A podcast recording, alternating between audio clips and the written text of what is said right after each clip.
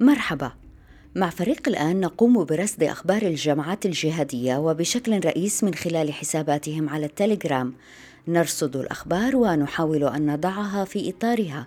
ماذا تعني اليوم؟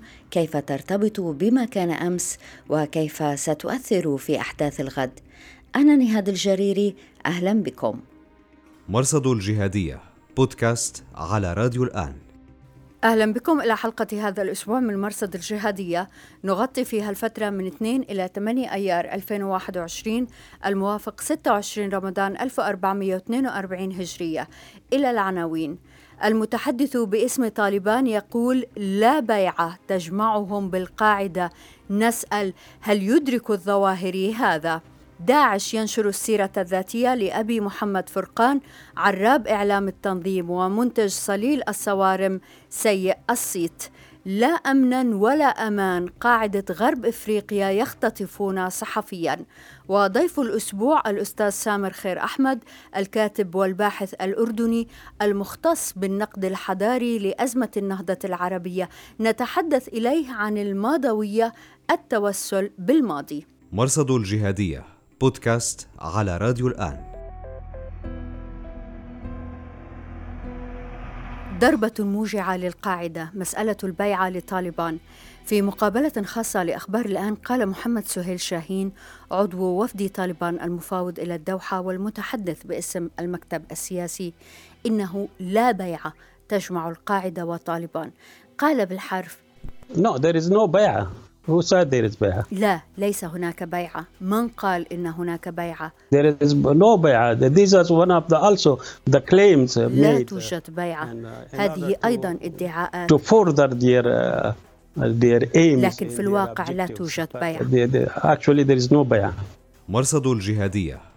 هذا الكلام مهم لأنه أول رد رسمي من طالبان على البيعة التي ما انفك قادة القاعدة وأنصارها يحتفون بها ويحتفون بطالبان باعتبارهم الضامن والحامي. البيعة ليست امرا يستهان به هذا ما قاله أسامة بن لادن عن البيعة إلى الملا عمر وسماه أمير المؤمنين.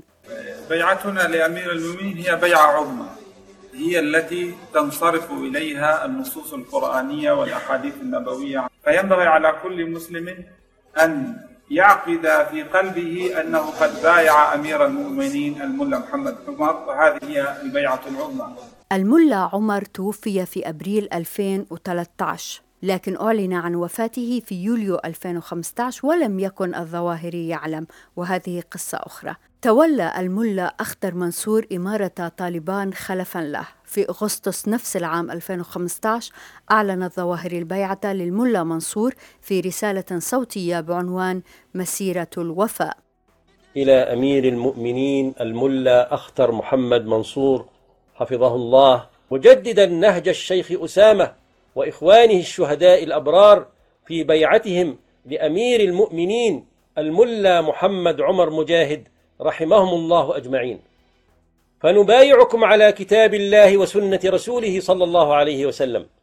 ونحن جنودكم وأنصاركم وكتيبة من كتائبكم. أخوكم أيمن الظواهري أمير جماعة قاعدة الجهاد تحرر في السبت السادس عشر من شوال لعام 1436 الملا منصور قبل البيعة في بيان نشر على موقع طالبان الرسمي بتاريخ 14 أغسطس 2015 بعد أقل من عام قتل الملا منصور وتحديدا في مايو 2016 عين هبة الله أخنزادة خلفا له. الظواهري قدم البيعة لأخنزادة في كلمة صوتية بعنوان على العهد نمضي في يونيو 2016 مولانا أمير المؤمنين مولوي هيبة الله حفظه الله ورعاه.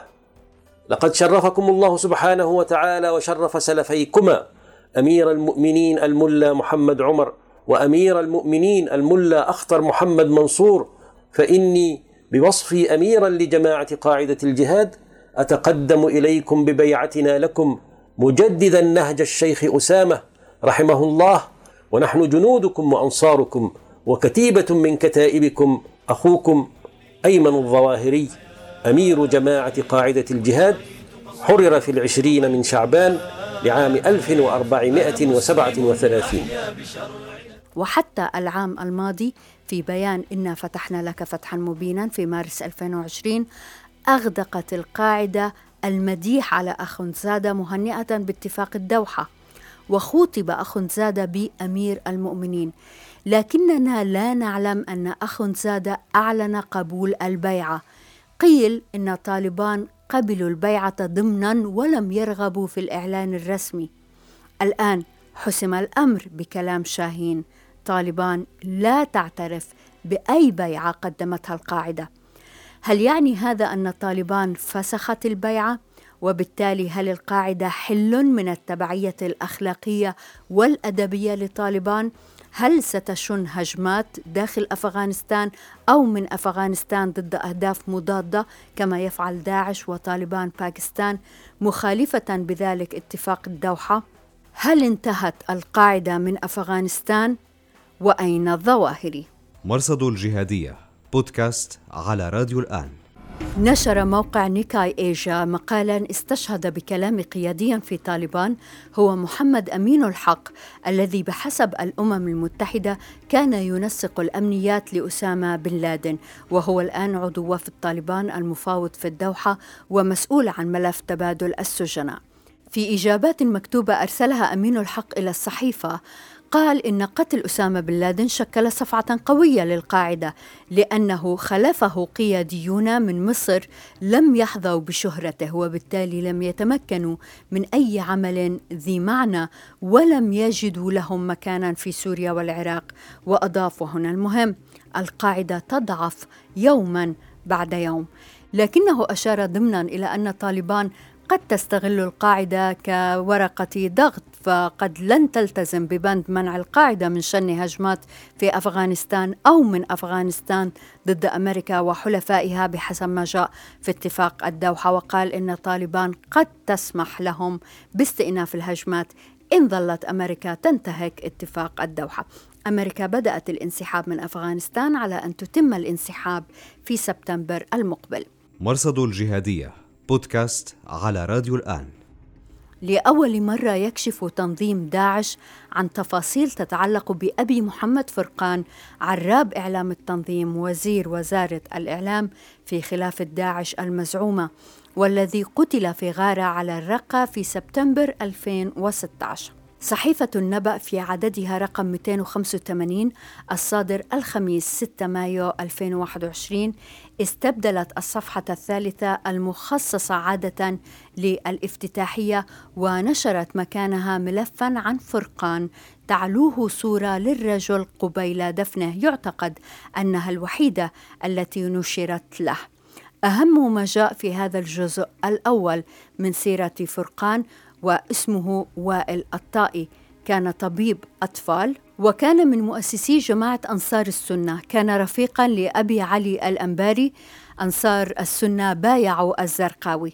كان رفيقا لخالد المشهداني أبو شهد الذي كان أمير قسم الإعلام في التنظيم. اعتقل أبو شهد فتولى الطائي إدارة الملف وكان يكنى وقتها بأبي سجاد.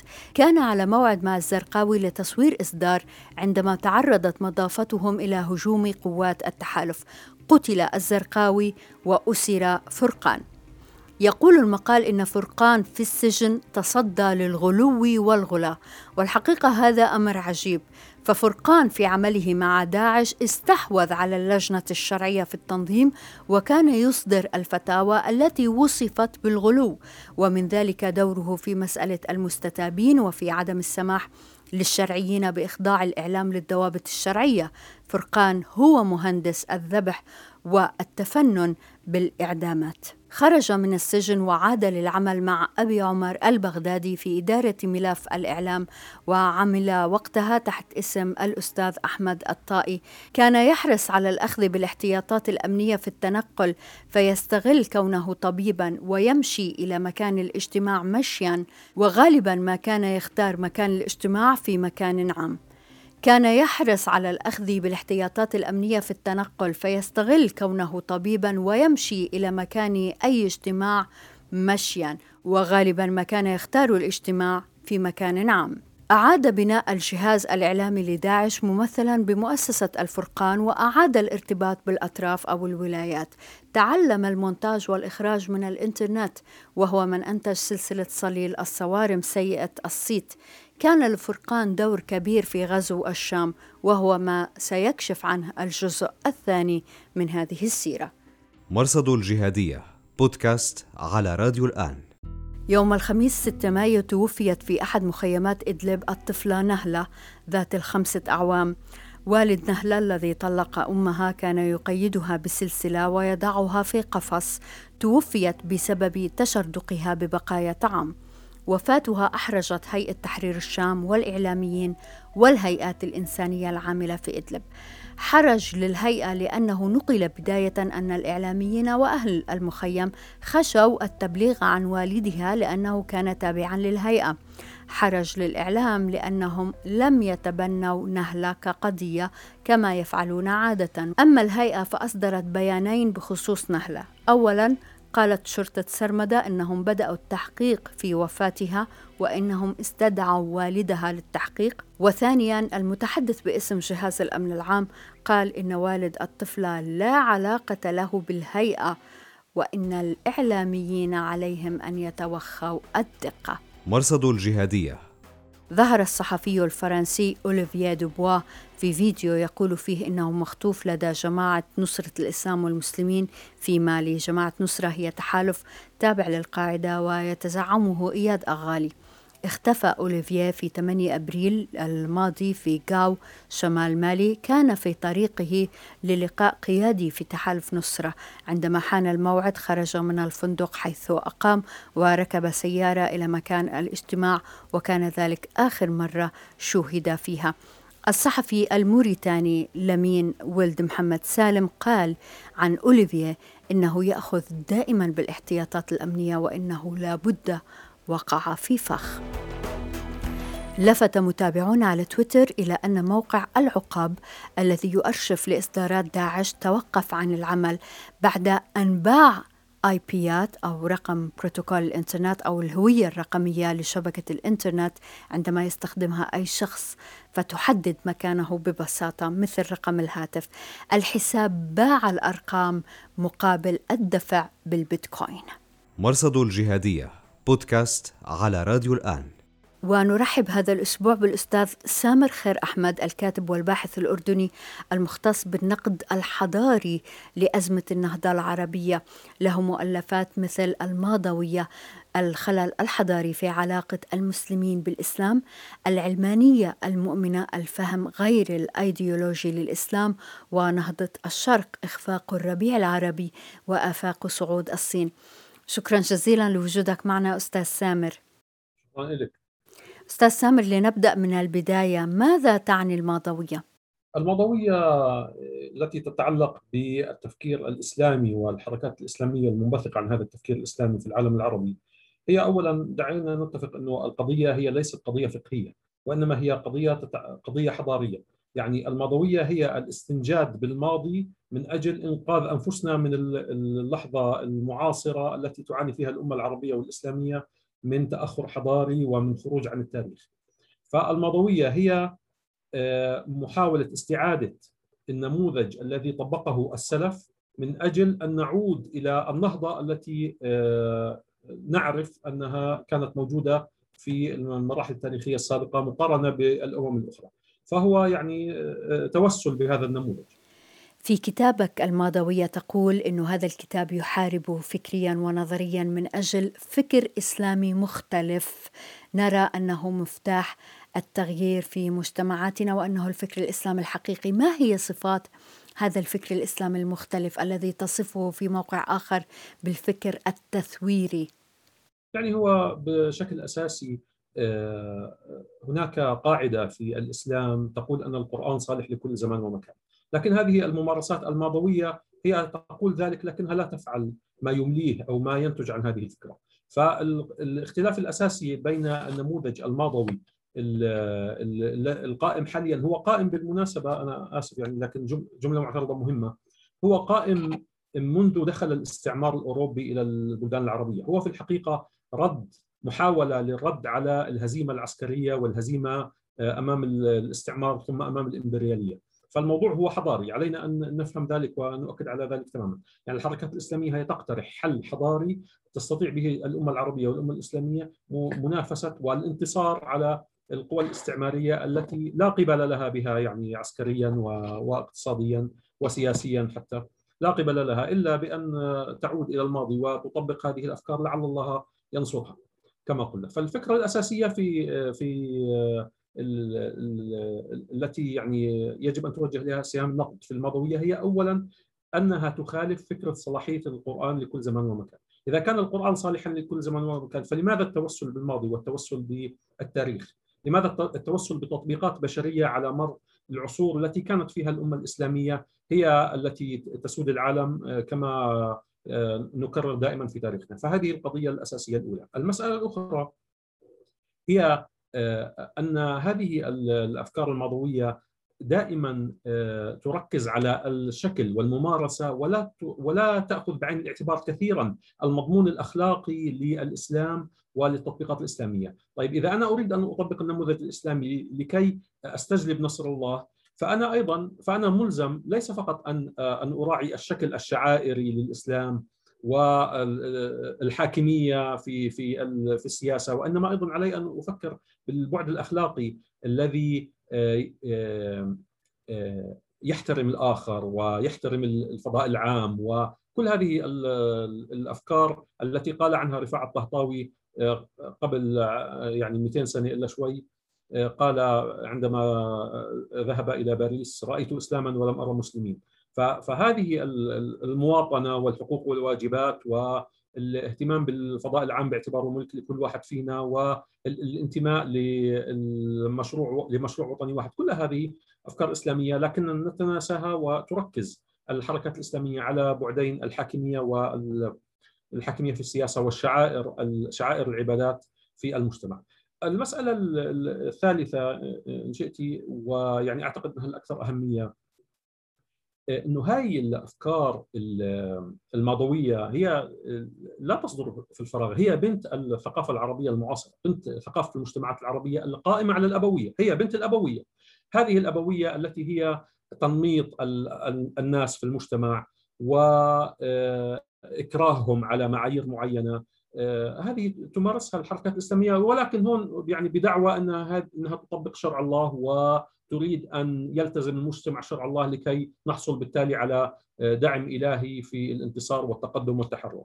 وهذا تفعله كمان أيضا الحركات غير اللادينية، الحركات اللادينية أيضا يعني تفكر وتطبق نفس الطريقة الأبوية، تريد أن تنمط المجتمع والممارسات الإنسانية داخل داخل هذه المجتمعات في شكل معين تعتقد أنها بالتالي تخرج هذه المجتمعات العربية والإسلامية من التخلف كما تسميه هي إلى التقدم والتحضر والتنوير وبالتالي تستطيع أن تمضي على درب الأمم التي نهضت وتقدمت في في السنوات المئة الأخيرة. يعني حضرتك هون عم بتشير لنمطين من التطرف. هو لا هو ليس تطرف. هو هو ليس تطرف يعني بالضرورة ولكن هي هذه الثقافه ثقافة المجتمعات العربية التي تتحرك في فضائها كل الأفكار سواء الدينية أو غير الدينية هي كلها تصدر من هذه الثقافة الأبوية. فالمشكلة في في الماضوية الإسلامية هي آه، ستكون يعني ستنبت في هذه البيئة الأبوية وستخرج أفكارها وتطبق ممارساتها في هذه البيئة الأبوية أيضا مثلها مثل كل الحركات والأفكار سواء اليسارية أو العلمانية أو الدينية أو أي شيء يعني ما دامنا نفكر ونتصرف داخل هذا الفضاء الذي آه، قوامه الثقافة الأبوية فكل شيء سيكون خاضع للثقافة الأبوية ولاليات الثقافة الأبوية وبالتالي لنتائج الثقافة الأبوية. فأنا أعتقد إنه هذه أبرز ثلاث آه، سمات أو صفات للماضوية الدينية في العالم العربي. كيف إذا نخرج من مأزق الماضوية أستاذ سامر؟ كيف يمكن الوصول إلى تثوير الفكر الإسلامي كما تسميه؟ علينا أن نعالج هذه المعضلات الثلاثة التي تحدثنا عنها، يعني اولا علينا أن نتعامل مع القرآن كأنه نزل اليوم، نحترم فعلا القاعدة الذهبية في الإسلام التي تقول إن القرآن صالح لكل زمان ومكان، وأن الله يخاطب بها كل المسلمين في كل زمان. ونستطيع أن نتعامل مع القرآن باعتباره خطاب الهي لنا مباشر في هذه اللحظة التاريخية التي هي مختلفة تماما عن كل ما مر ما مرت به آه، يعني من من المقطوع به أن البشرية في المئة سنة الأخيرة في 150 سنة الأخيرة تختلف عن البشرية في القرون السابقة. المسألة الثانية أن نستعيد البعد الأخلاقي في الإسلام ونركز عليه باعتبار أن المهم هو المضمون ليس المهم الشكل، ليس المهم شكل المجتمع وشكل الدولة وإنما المهم هو المضمون الأخلاقي لأنه هذا يعني جوهر رسالة الإسلام، وإذا استعدنا الجوهر الأخلاقي نستطيع بالتالي أن آه، نحصل على ما قاله رفاعة الطهطاوي كما كما ذكرت قبل قليل آه، رأيت إسلاما ولم ارى مسلمين، في البعد الأخلاقي نستطيع أن نحترم الاختلاف ونحترم التنوع ونحترم التعدد ونحترم الآخر وأن نركز على المصلحة العامة للأمة ليس المصالح الشخصية. ومن آه، أفكاره صح ومن يستطيع أن يخضع باقي المسلمين وينمطهم على أساسهم. وهذا يفتح أيضا على المسألة الثالثة التي هي الثقافة الأبوية التي هي معضلة المعضلات في العالم العربي آه، وفي الدولة العربية المعاصرة بعد الحرب العالمية الثانية. لأن كل نظام أنظمة تكون في كل الدول العربية هي أنظمة أبوية. وهذا ينعكس على المؤسسات وعلى المجتمعات وعلى حتى المجتمع المدني إنجاز أصلا ان نسميه مجتمعا مدنيا في العالم العربي، كل حياتنا آه، منمطة في الثقافة الأبوية. في كتابك العلمانية المؤمنة تقول إنه مفاهيم الديمقراطية والتعددية هي مفاهيم قرآنية، كيف؟ لست أنا من أقول رفاعة الطهطاوي من يقول.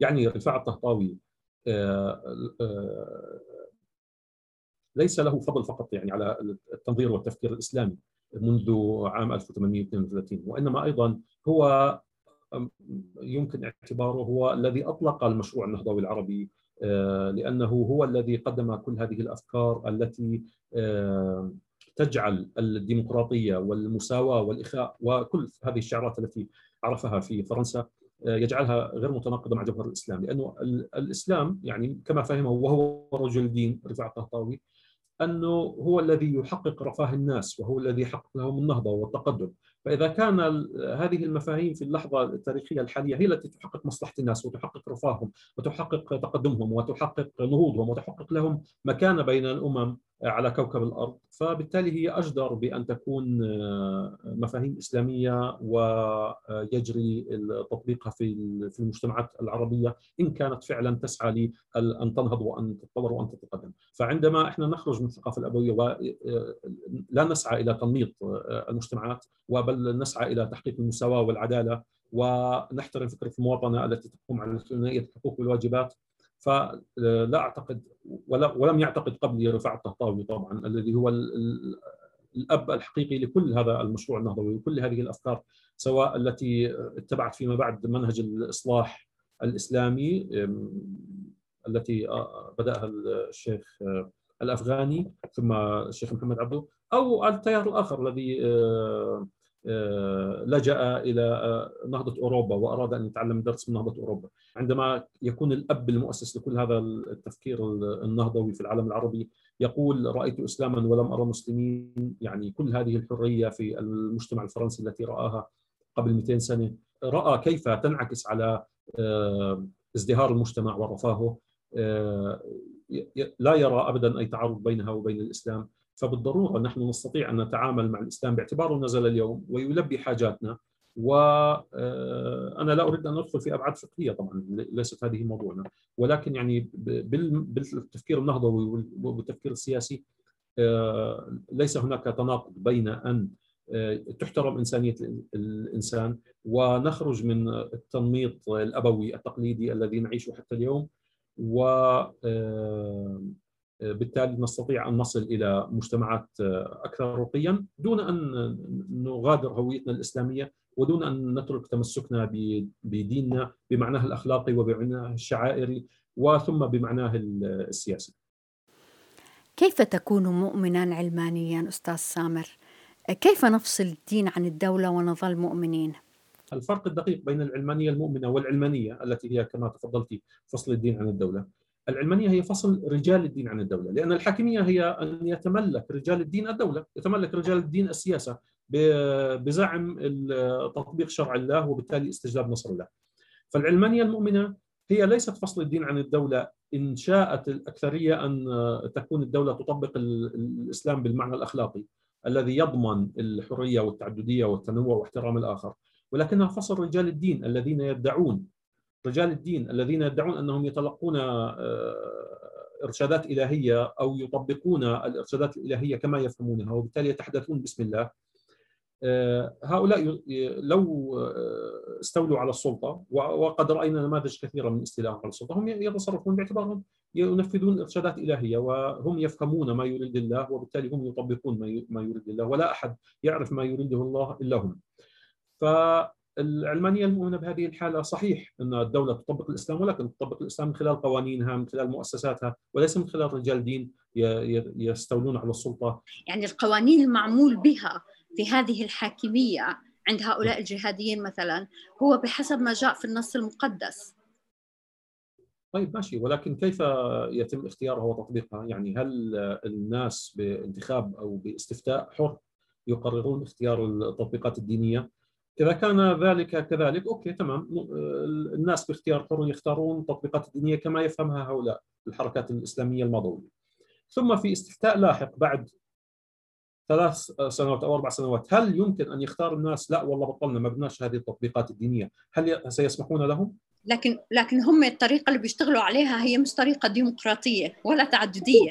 هي طريقة نعم. وجود الخليفة.